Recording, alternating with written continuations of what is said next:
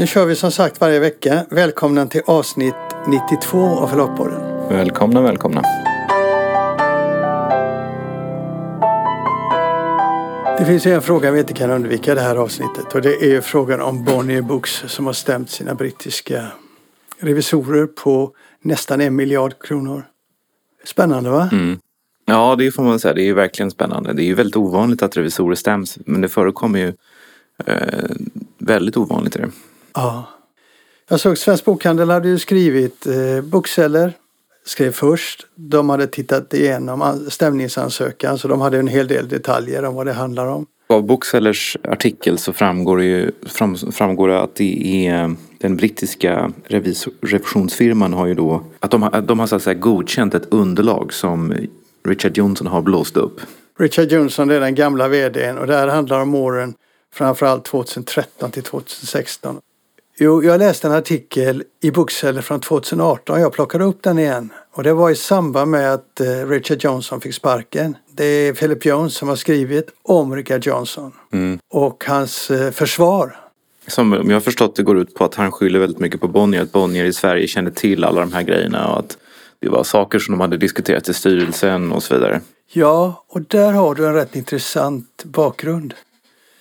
Alltså, Bonniers de satsade ju stenhårt på att bli stora i Storbritannien. I början hade man växt försiktigt under Jonas Modig. Då köpte man en del förlag och så växte man försiktigt. Men sen bestämde man sig för att eh, ha en mer aggressiv framtoning. Och det var under Maria Kurmans tid man började med det. Ja, men det, där får man väl ändå säga att eh, Richard Johnson, även om det blev stora förluster och stora avskrivningar, nedskrivningar sen, eh, att han faktiskt, eh, Bonnier UK blev ju jättestora. Jag vet inte exakt nu vad de omsätter, men det gick ju från nästan ingenting till en ganska stor grupp. Exakt, och det här det har grunden för alltihop. För när du gör så som de gjorde, jag menar de, de köpte förlag, de startade förlag, de köpte för stora summor väldigt stora summor. Stora författarna, alltså Wilbur Smith och Lindy LaPlante och sådana här. Just det, och Wilbur Smith betalade dem när han var 84 år. En sån här otrolig summa för jag för mig att jag såg den här någonstans. Ja, jag har eh. sett den också någonstans. Men det var åtta boksavtal. Ja. Och det var en aggressivitet. Ja, ja, ja just det. Han fick precis åtta boksavtal. Det var någon sån här ja, eight figure deal. Det är ju då i pund. Ja, jo, och den aggressiviteten godkändes ju och diskuterades. Alltså Bonnier Books och då var Jakob Dahlborg chef för en del av det här. Maria Kurman var chef också för en del av det här. För det var Maria Kurman som lyfte upp Richard Johnson i organisationen från början. Och, och, nu, är hon, och nu är hon tillbaka som eh, ordförande för Bonnier Books. Ja, men genom de här åren så fick man ju en hög kostnadsmassa. En jättehög kostnadsmassa som man måste hantera internt. Och det gjorde man genom att aktivera goodwillkostnader och sånt. Och det blåser ju upp värdet på bolaget. Det ser ut som att det är bättre skick än vad det är. Och så kan man göra, som man har rätt att göra. Men det är ju sen när man ska liksom realisera de här kostnaderna, betala dem, som man får problem. Alltså bolaget blir övervärderat genom de här, mm. genom de här aktiveringarna. Och det där var som, vad som skedde men det var också någonting man diskuterade varenda år. Jo, det säger, Richard, det säger Richard Johnson i intervju, efter intervju att vi hade diskuterat det här i styrelsen. Alla, alla viktiga beslut var förankrade och alla eh, liksom, policyn och strategin var förankrade i Sverige. Men även om man har en samsyn kring en strategi och en policy så är det ju svårt om man har någon som begår närmast kriminella handlingar. Om det nu är det han har gjort. Låt oss vara lite försiktiga. Låt oss gå in på det strax. Men grunden är ändå det här man måste titta på. Det här är en strategi som han valde man kan välja andra strategier men Bonniers valde den här och periodvis fick man pytsa in ett par hundra miljoner i organisationen för att hålla det här värdet uppe. Och eh, man behövde hålla värdet uppe för att kunna vara så aggressiv på marknaden.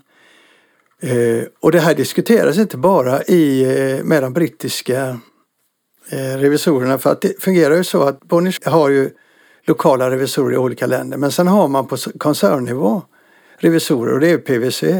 Mm de som nu är revisorer i Storbritannien. Och det är också de som har eh, satt igång den här processen. Jag ska återkomma till det strax.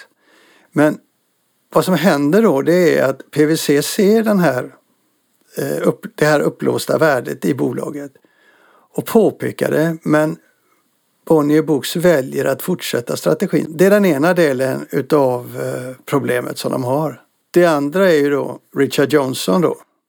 Men Richard Johnson är ju en vidlyftig man. En aggressiv och vidlyftig VD. Och det var det de behövde på den tiden. För han gjorde ju saker som ingen annan hade gjort. Mm. Det var han som gjorde att det gick så snabbt. Men han levde ju flott. Och i Storbritannien så visste man ju detta. Det stod att han hade gjort av med, jag kommer, har inte summan framför mig, men en ganska stor summa på eh, helikopterutgifter. Och på någon, ja. på någon fest så hade han, på en Bonnierfest så hade han lagt 60 000 pund. På, som, på en sommarfest, det är alltså då 700 000 ja. ungefär.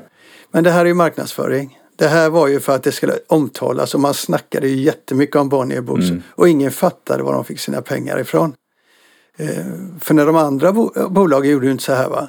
Så Bonnier Books eh, som var litet då lyfte ju fram sig själva för att synas på marknaden. Och han älskade ju det, eh, Richard Johnson. Han var ju känd för sådana här grejer. Och det där vet jag att man snackade om i branschen. För jag fick höra det. Hur kan Bonniers ha satt räven liksom att ansvara för hönsgården här?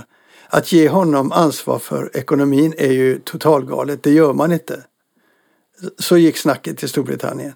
Och det gjorde det efter alla de här satsningarna han gjorde. Och det där är ju inte svårt. Man kan ju gömma det bara delvis i en, i en, eh, i en redovisning. Men det är ju inte svårt att se de här grejerna. Jag menar på den nivån måste ju Bonniers ha folk som kan läsa. Nej. Och att betala då 100, över, bra bit över 100 miljoner för ett åttaboksavtal med Wilbur Smith. Det är, det är ju liksom, det, det har ju inte Richard Johnson lurat någon till. Nej, alltså de kan ju inte, det är väldigt mycket här som de själva har accepterat som en strategi. Och sen så har han kanske lättat lite från marken, han har fått mycket skit för detta. Men märk väl, han är inte åtalad här. Han är inte nej, anklagad. Nej, det är väldigt intressant att han inte är det. Nu kan ju inte vi den här lagstiftningen och vi vet inte heller vad, exakt vad som har hänt. Men, men eh, det, kan ju, det kan ju vara också tekniska... Alltså om, om de skulle vinna mot revisionsfirman så eh, får de ju tillbaka pengarna. Men om de skulle stämma Jonsson så får de ju knappast 90... De får knappast en miljard av honom. Han har nog inte de pengarna. Så det kan ju finnas sådana aspekter också. Men revisionsfirmans uppdrag är ju att se till så att inte liksom balansräkningen Eh, övervärderas och så vidare. Så det är ju jag tycker det är väldigt spännande för revision, revisionsbyråer i Sverige får ju nästan aldrig det finns nästan aldrig fällande domar. Ofta blir det ju förlikningar. Jag kan inte komma på, det var ett stort fall, Prosolvia för några år sedan, ganska många år sedan nu, men jag kan inte komma på så många sådana här svenska fall. Mycket ovanligt. Alltså grejen är ju den att i den här stämningen på nästan en miljard så finns delhistorier eh, där de vill komma åt Richard Johnsons eh, spenderingar. Att man, man ifrågasätter om han har haft eh, bolagsintresse framför ögonen när han har spenderat eh, 30-40 miljoner kronor. Och det där får ju rättegången i så fall visa. Men om det fungerar som i Sverige så har ju han fått gå igenom en, den, den vanliga processen mm. och fått ansvarsfrihet. Och styrelsen bör ju ha sett de här grejerna. Orsaken tror jag till att det här har hänt det är att PVC som tagit över som revisorer nu har bestämt sig för att eh, rensa bordet så att inte de får ta med sig det här, eh, den här skiten eh, in i sin verksamhet. Och det är inte ovanligt, så gör ofta nya revisorer. De går igenom och ser om de kan lägga över på de gamla revisorerna. Men här har de uppenbarligen hittat saker som de vill gå vidare med. Så de måste väl ha sett det som, som tydliga brott lite småkriminella grejer och försöka komma åt det här. Fast jag tvekar på att de eh, kommer till rättegång alltså. Jag tror att man inte vill det egentligen. Jag tror att man kanske eh, bestämmer sig för att göra upp utanför domstol. Ja, fast det gör de ju bara om de har ett case. Ja, och det verkar som de har det om man tittar på detaljerna här. Det här med mm. Richard Johnson, kritiken mot honom, mm. den är ju väldigt tydlig. Men han har ju som sagt inte blivit åtalad här. Och eh, han har blivit nagelfaren redan 2018. Det här är 2013 till 2016 och han får sparken 2018 så de har ju grejer på honom. Eh, så att frågan är vad som kommer att hamna i domstol. Vad tror du? Nej men jag tror att det finns massa skäl till att de inte stämmer Richard Johnson men ett är ju att de kan inte få ut några pengar av honom så det är meningslöst att stämma honom. Eh, sen var det inte hans upp... Ja, jag vet inte, men jag tror att det blir en förlikning. Men jag tycker det är en int väldigt intressant eh, fall. Eh, inte bara för att det är förlags, ur förlagsperspektiv utan rent allmänt. Sådär, vad har revisorer, revi, revi, revisorer för ansvar i sådana här sammanhang? Ja, och vad har företaget själva för ansvar? Vad har cheferna och ledningen för ansvar? Kan man ju fråga sig. Mm. För lika väl som jag sa då, PWC har ju sett de här redovisningarna och kritiserat eh, övervärderingen men inte de här andra grejerna. Och nu vet ju inte vi exakt vad det är de kommer att eh, stämma dem för. De brittiska revisorerna. Och nästan en miljard kronor, vad är det för pengar? Mm. Det måste ju vara den här övervärderingen. Delvis. För om du tittar på bolagets omsättning ja, och kassaflöde så finns det inte sådana pengar. Men sen är det också intressant när, när Richard Johnson fick sparken så um så sa man ju från Bonniers sida att det, det hade varit för vidlyftigt och eh, man hade liksom eh, betalat ut för stora förskott och köpt över författare och sådär. Men också att man hade byggt ett förlag som inte var i linje med Bonniers DNA. Att man ville liksom ha, eh, Johnson hade byggt ett väldigt kommersiellt förlag, väldigt liksom amerikanskt, brittiskt förlag på något sätt.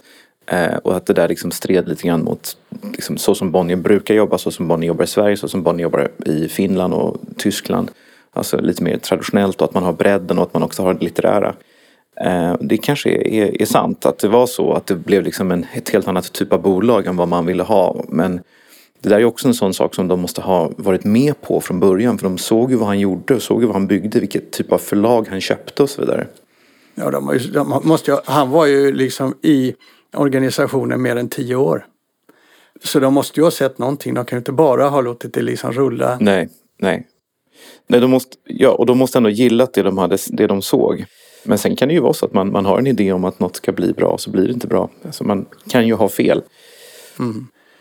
Ja, jag tror att Richard Johnson som ju skrev en egen bok i, i samband med att han fick sparken eh, har en del poänger även om han, han själv tycker att han är oskyldig han har en del poänger när han säger att de visste, svenskarna visste vad de gjorde.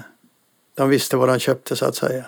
Vad tror du? Man vet vad man har haft för typ eh, som chef. Att han har varit väldigt liksom mycket fart, mycket fläkt.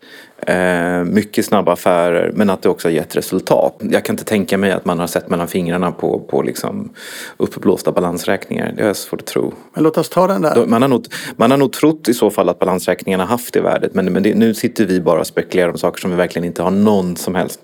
Ja. Men du har ju rätt i att Richard Johnson blir ju en, en eh, syndabock för allt som gick fel. Eh, det är inget annat huvud som har rullat. Eh, och eh, det finns ju några andra som var väldigt aktiva och involverade i det här. Jo, men om du tittar på till exempel den här festen, sommarfesten och den här helikoptern. Mm. Jag utgår från att det på en sån fest finns svenska närvarande. Men det är klart, det stod ju till och med om den här festen i The Bookseller. Ja. Och när de ser en helikopter där och när de ser hur den här festen ser ut så vet de ju att det är de som betalar. Mm. Det är klart att de funderar, har vi råd med detta? Och då måste de ha diskuterat den här satsningen och jag tror att de har sagt att det här behöver vi få synas. Det här behöver vi få skapa en plattform för Bonniers i Storbritannien. Det ska pratas om oss. Alltså det är inte så att han har lurat på dem en helikopter även om det är Nej men det är klart att det inte är. De har, de har gett sitt passiva medgivande till att han ska driva bolaget på det sätt som han har gjort. Så det, det håller jag helt med om. Men det, att därifrån gå till direkta bedrägerier om det nu är, är sådana som existerar. Det är ju någonting helt annat. Jo, de grejerna får vi se nu då. Men det är ju bara en liten, liten del av hela stämningen. Jag menar de här 3-4 miljoner punden som han anses ha gjort av med på ett felaktigt sätt är ju en mycket, mycket liten del i de här 90 miljoner punden. Mm. Det är ju väldigt stor skillnad också på att missköta ett bolag så att, det, så att det skapar stora förluster och att genom ett bedrägligt beteende bedrägligt och kriminellt beteende eh, orsaka förluster. Det är ju väldigt två vitt skilda saker. Ja. Men nu har ju det här blivit en fråga om vad revisorerna i Sverige säger om revisorerna i Storbritannien. Det är väl ett försök att få tillbaka lite pengar. Men man kan inte ha varit ovetande om det här. Alltså. Det tror jag inte. Vad man än säger.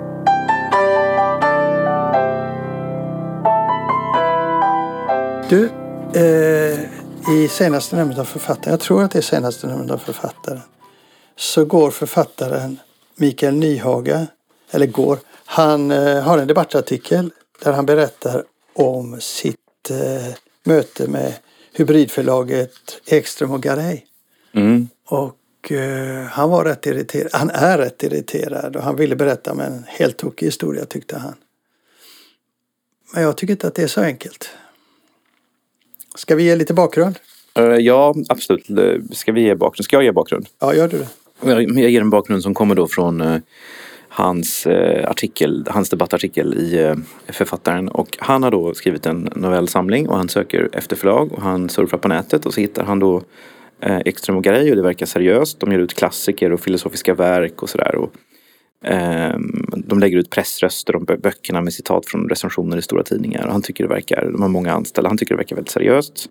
Eh, förlaget vilar på tre pelare. Den första det är då liksom traditionell mm, bokverksamhet och utgivning och förläggeri. Och det andra benet är uppdragsutgivning, alltså att man, man betalar för att bli utgiven. Och det tredje är då utgivning av klassiker. Ehm, och Eh, ja, han skickar in sina, sina, sina noveller och han får då ett svar att de gärna vill ge ut det, erbjuder ett samarbete. Men då kommer det då som överraskning från dem att det kostar pengar och de, tar ut en, de har en utgivningspaket eh, som inkluderar då redaktionellt arbete, layout, marknadsföring och så vidare. Eh, och det här kostar då för 100 ex så får han betala 63 100 kronor, det vill säga ungefär 600 kronor per bok. Förlaget rekommenderar ett F-pris på 130 kronor så att förlusten per bok blir då 500 kronor. Sen så tar de dessutom 30 procent av försäljningen till bokhandeln. Och lagerhållning gäller bara ett år. Om man vill ha eh, boken längre än så i lager så får man en tilläggsavgift med 1560 kronor per år. Sen eh, visar det sig att man inte ens äger rättigheterna utan om, om man exempelvis vill vill ge ut verket i annan, en annan form än tryckt. Då, då har då Ekström och Garay första tjing, det vill säga ljudbok eller e-bok och sådär. Och vad de, vad- de erbjuder då, det, det vet man inte. Eh, men det här tyckte han var dåligt. Och jag har en eh, kollega som eh, är väldigt aktiv på Facebook och i väldigt mycket olika grupper och eh, hon säger att eh, hon, den senaste tiden så har det varit enormt mycket författare som, som uppenbarligen verkar ha blivit lurade eller alltså inte förstått liksom skillnaden mellan ett vanligt förlag och ett sånt här förlag. Men låt oss ta det, vi har varit på det förut, men det här kallas hybridförlag. Och vad jag förstår så har du uppfattningen att, att de behövs på marknaden idag. Ja, det är min uppfattning. Jag har ju försvarat eh, förlag som Hoj och, och Vulkan och allt vad de heter tidigare. Men eh, det här eh, verkar ju ändå vara ett förlag som låtsas som att de är någonting som de inte är. Och det är väl en helt annan sak. Ja, det vet vi inte, det får man ju titta lite djupare i så fall. Men det ser väldigt vackert ut när man går in och tittar på Ekström och Garays hemsida. Eh, men låt oss titta lite på villkoren de säger, de konkreta villkoren. Mm. Eh, jag tycker ju, om man läser artikeln så ser man att det är lite mer lurigt än vad du säger. De, eh, de lockar in författarna tycker jag. De skickar in ett manus och så får de en positiv värdering utav det från en lektör. En, lekt- en lektörsläsning. Ja, en lektörsläsning. Och då tänker författaren att då vill förlaget ge ut mig, då tror de på boken. Men det är inte så, utan vad de erbjuder är att den är tillräckligt intressant för att du ska ut den själv. Mm. Om vi får eh, jobba med den och du betalar oss för det. Så är deras idé och det här tycker jag att de luras. Eh, därför att istället för författaren blir förvånad. Man tro, de tror att ah, min bok är tillräckligt bra, då ger de ut den. Men det gör de bara om du betalar för arbetet. Och det där skulle jag vilja prata lite om. Kostnaderna. Det ser mycket ut. Men är det egentligen det? Nej men det beror ju som jag alltid brukar säga i sådana här sammanhang. Det beror ju på hur du räknar. Men, eh, men att trycka 100 exemplar för det första är jättedyrt. Jag, jag skulle tro att det måste vara någon slags digitaltryck. För du kan ju inte trycka ett uh, offset-tryck eller rulltryck på, på 100 ex. Det blir jättedyra ex. Men, eh, det är säkert digitala ex. De kan ju vara med hårda pärmar ändå. Men, men eh, kostnaden för redigering och, och sättning och korrekturläsning det är ju exakt samma kostnader oavsett om du om du har liksom du trycker 1000 ex eller 100 ex eller 10 000 ex. Exakt. Eh, så att om, du gör, om, de, om det är nu så att de har gjort om de, om de lägger ner liksom ett normalt jobb på det här så är det inte dyrt. Eh, jag skulle säga att vi klarar inte av att producera böcker så billigt på Lind Company. Nej. Men det är möjligt att de, att, att, alltså, så att ska de tjäna pengar på det där så måste de ju ha hur mycket böcker som helst. Ja, men det är där jag ville gå in lite också för att 63 000, om vi skiter om det är 100 eller 1000 ex här eller 500 ex. För priset per bok blir betydligt mycket billigare om vi gör ett offsettryck på 500 ex än om de gör så här. Men om man tittar på de fasta kostnaderna så undrar jag, kan de betala okej okay lön? För dem? Du, ska ha, du ska ha en redaktör också. Ja, alltså man kan ju bara, bara, bara, nämna några kostnader som du liksom inte kommer ifrån. Alltså ett omslag kostar vanligtvis mellan 10 000 och 15 000. Kan vara dyrare, blir i stort sett aldrig billigare. Det kan tillkomma fotokostnader och sådana saker.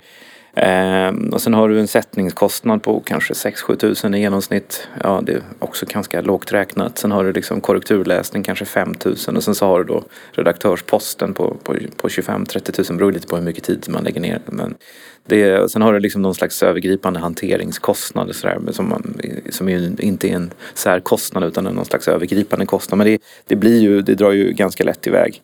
Ja. Eh, och det ska man som författare veta att vill man skriver man en bok så har man den, den bulken framför sig. Ska man betala den eh, så ska man vara väldigt noga att man får kvalitet.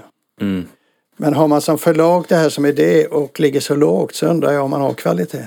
Nej, jag tror inte att man jobbar jättemycket så med, med det. Det tror jag inte. Men det är eh, det blir ju väldigt dyra ex naturligtvis. Det var det som stack, stack i ögonen här. Att, att eh, det var så fruktansvärt dyra ex. Ja, Eh, Eh, men också när man då erbjuder 100 ex så talar man ju också indirekt om för författaren att den här boken kommer inte att sälja något speciellt.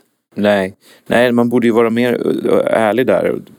För det är ju 100 ex, det är ju liksom eh, om du skickar ut mycket recensionsex och lite läsex så är du, har du redan gjort av med dina 100 ex. Så det är, det är ju väldigt dyrt. Eh, det vore, vore, vore hedligare om de sa att det här är liksom en tryckeritjänst där det ingår redaktionella hjälp, redaktionell hjälp. Ja. Det är väl det, det som är Mikael Nyhagas poäng. Att det här är liksom, man ger sken av att vara något som man faktiskt sen inte är.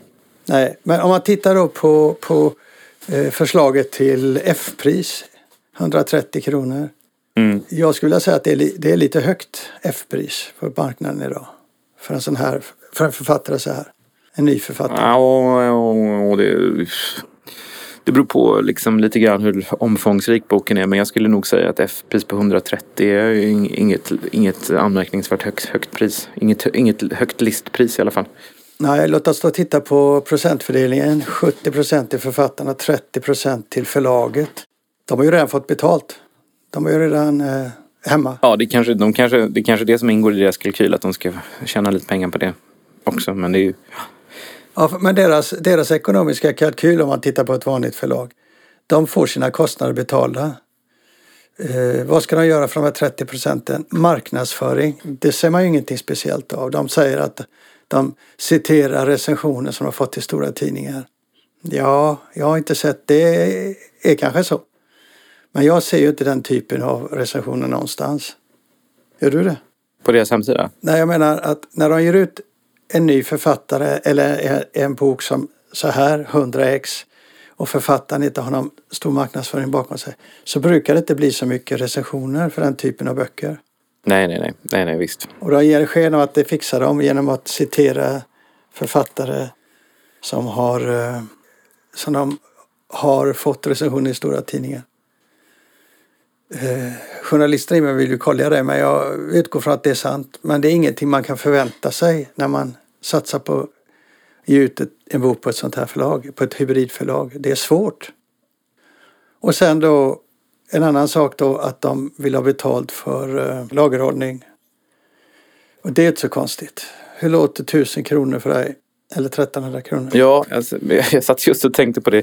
det är, faktum är att det låter inte så jättedyrt heller. Men nu återigen beror det lite grann på om man räknar. Vi, jag kommer inte ihåg exakt nu vad vi betalar per pall. Det har ju ökat. Jag tror att det förut var det 60 kronor. Men jag tror att den har närmat sig 70 kronor nu. Eh, per pall och månad. Och eh, det betyder då att har man en pall. Alltså, och det med pall är ju. På en pall får du ju plats. Det beror på hur tjock boken är. Men av en normal bok så får du ju plats drygt 1000 ex på en pall. Eh, och om det kostar 70 kronor per, per månad så blir det då eh, 840 kronor på ett år. Eh, men här har de ju bara 100 ex och dessutom så, så ska ju författaren ha några ex och sådär. Och eh, det går alltså att, vi brukar ibland göra palloptimering och då liksom går de ut på laget på förlagsstämman och tittar om det finns jättemassa små rester. Man kan lägga flera titlar på en pall och sådär. Så det går ju att göra det. Um, så att jo, nej men det är ganska dyrt. I synnerhet om det är en, om det är en avgift som återkommer.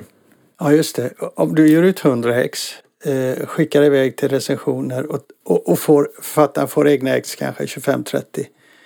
Det blir inte jättemycket kvar att ha på pall. Nej, det blir ju ganska lite kvar. Ja, så att det känns ju lite som att plocka lite kronor här och där. Men i stort så är det inte väldigt dyrt det de kommer med. Nej, du har ju helt rätt i det. Ska man nu betala för det så, så är det ju inte det. Nej, sant. Det är nog snarare så att man alltid måste fråga sig vad är det jag får för de här pengarna? Är detta mm. logiskt och så? Och då måste man veta vad det kostar. Mm. Det var därför jag ville vi skulle ta upp det här. Ja, nej, men det är en bra poäng. Ja, det här betyder ju inte att hybridförlag är en dålig sak. Det betyder bara att som författare så måste man vara jättenoga och förstå. Och, se, och, och den artikeln eller debattartikeln i författaren där är väldigt intressant. Just för att den pekar på en hel del glidningar som inte är så hederliga tycker jag. Nej. Sen är det ju eh, intressant med det här förlaget Extra många. Jag gick in på deras hemsida och eh, de har 29 anställda. Och eh, de har, Lind Company har 16 anställda som jämförelse. Och eh, de omsatte 2019 2,8 miljoner varav lönekostnaden stod för 1,5 miljoner. Eh, och de har på hemsidan så har de bland annat de har, eh, två litterära agenter. Jag visste inte ens att de hade en agentur. De har en klassikeransvarig, de har en förlagsanalytiker, de har två stycken ansvariga för författarrelationer. De har en internationell projektledare och en som är ansvarig för filosofiska verk. Ja, alltså det går ju inte ihop. Nej, det är något konstigt här. Ja. Men, eh, mm. Det är något som är väldigt konstigt. Så man kan ju uppmana någon journalist att titta lite på det där. Ja. Är det här anställda verkligen? Eller är det bara folk som är tillgängliga i mån av jobb? Ja, nej, jag har ingen aning faktiskt. Nej. Och är de anställda så är, det ju, så är det ju världens grej. Alltså det är en supersatsning. Um... Men samtidigt lär de inte få någon lön med en sån omsättning på förlaget. Ja, det här var ju 2019, den kan ju ha ökat. Eh, det var per sista december 2019, den kan ju ha ökat. Det kan ju också vara så att de, de eh, häller ner privata pengar. Man har ju ingen aning. Men det, men det är ju ett, förlag, ett nystartat förlag med 29 anställda. Det är, det är, en, det är någonting speciellt. Och synnerhet när man har ansvariga som har som, som titel att de är ansvariga för filosofiska verk. Ja. Ska vi släppa det där? Vi kanske återkommer. Ja, ja absolut. Men det, det släpper vi. Ja.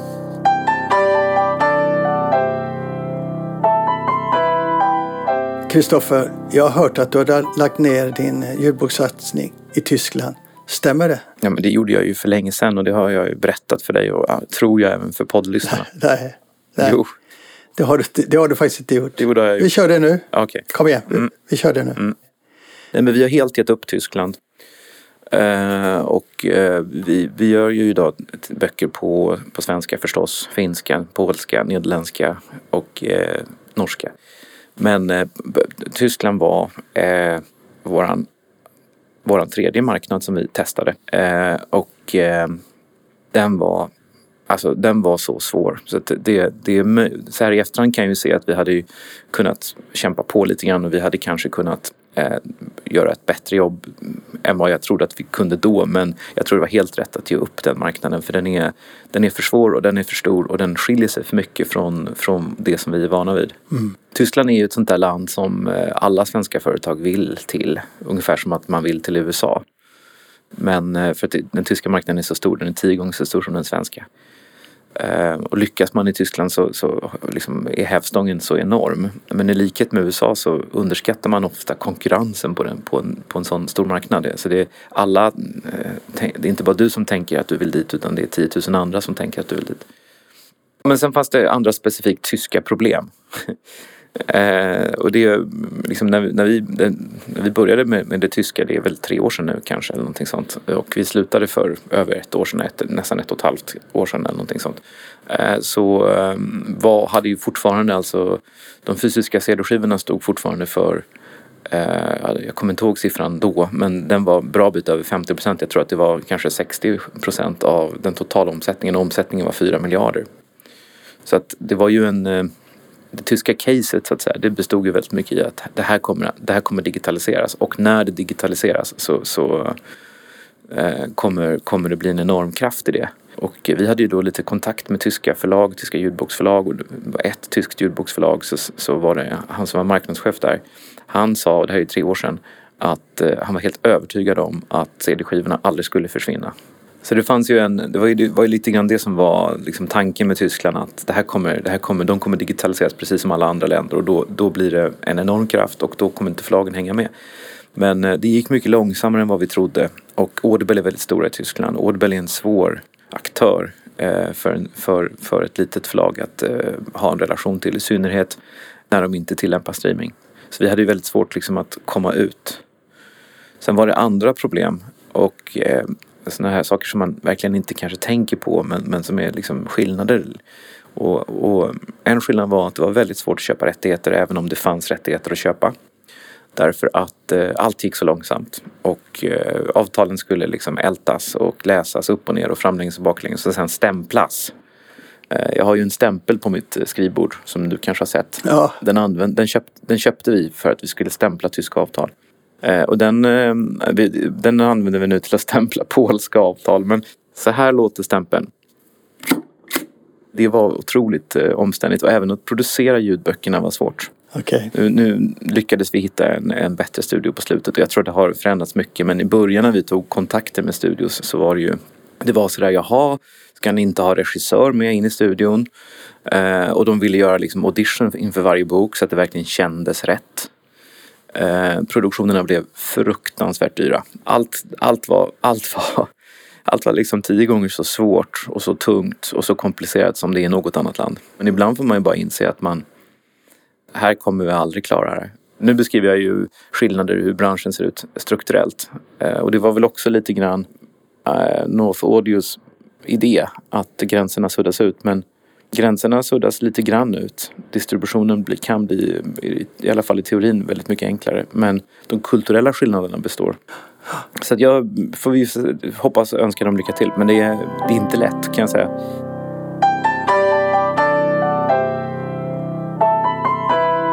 Det var allt för avsnitt 92 och i nästa vecka så kommer ännu ett avsnitt som heter avsnitt 93. Spännande. Det ser jag fram emot. Ja, Hej, hej då! hejdå!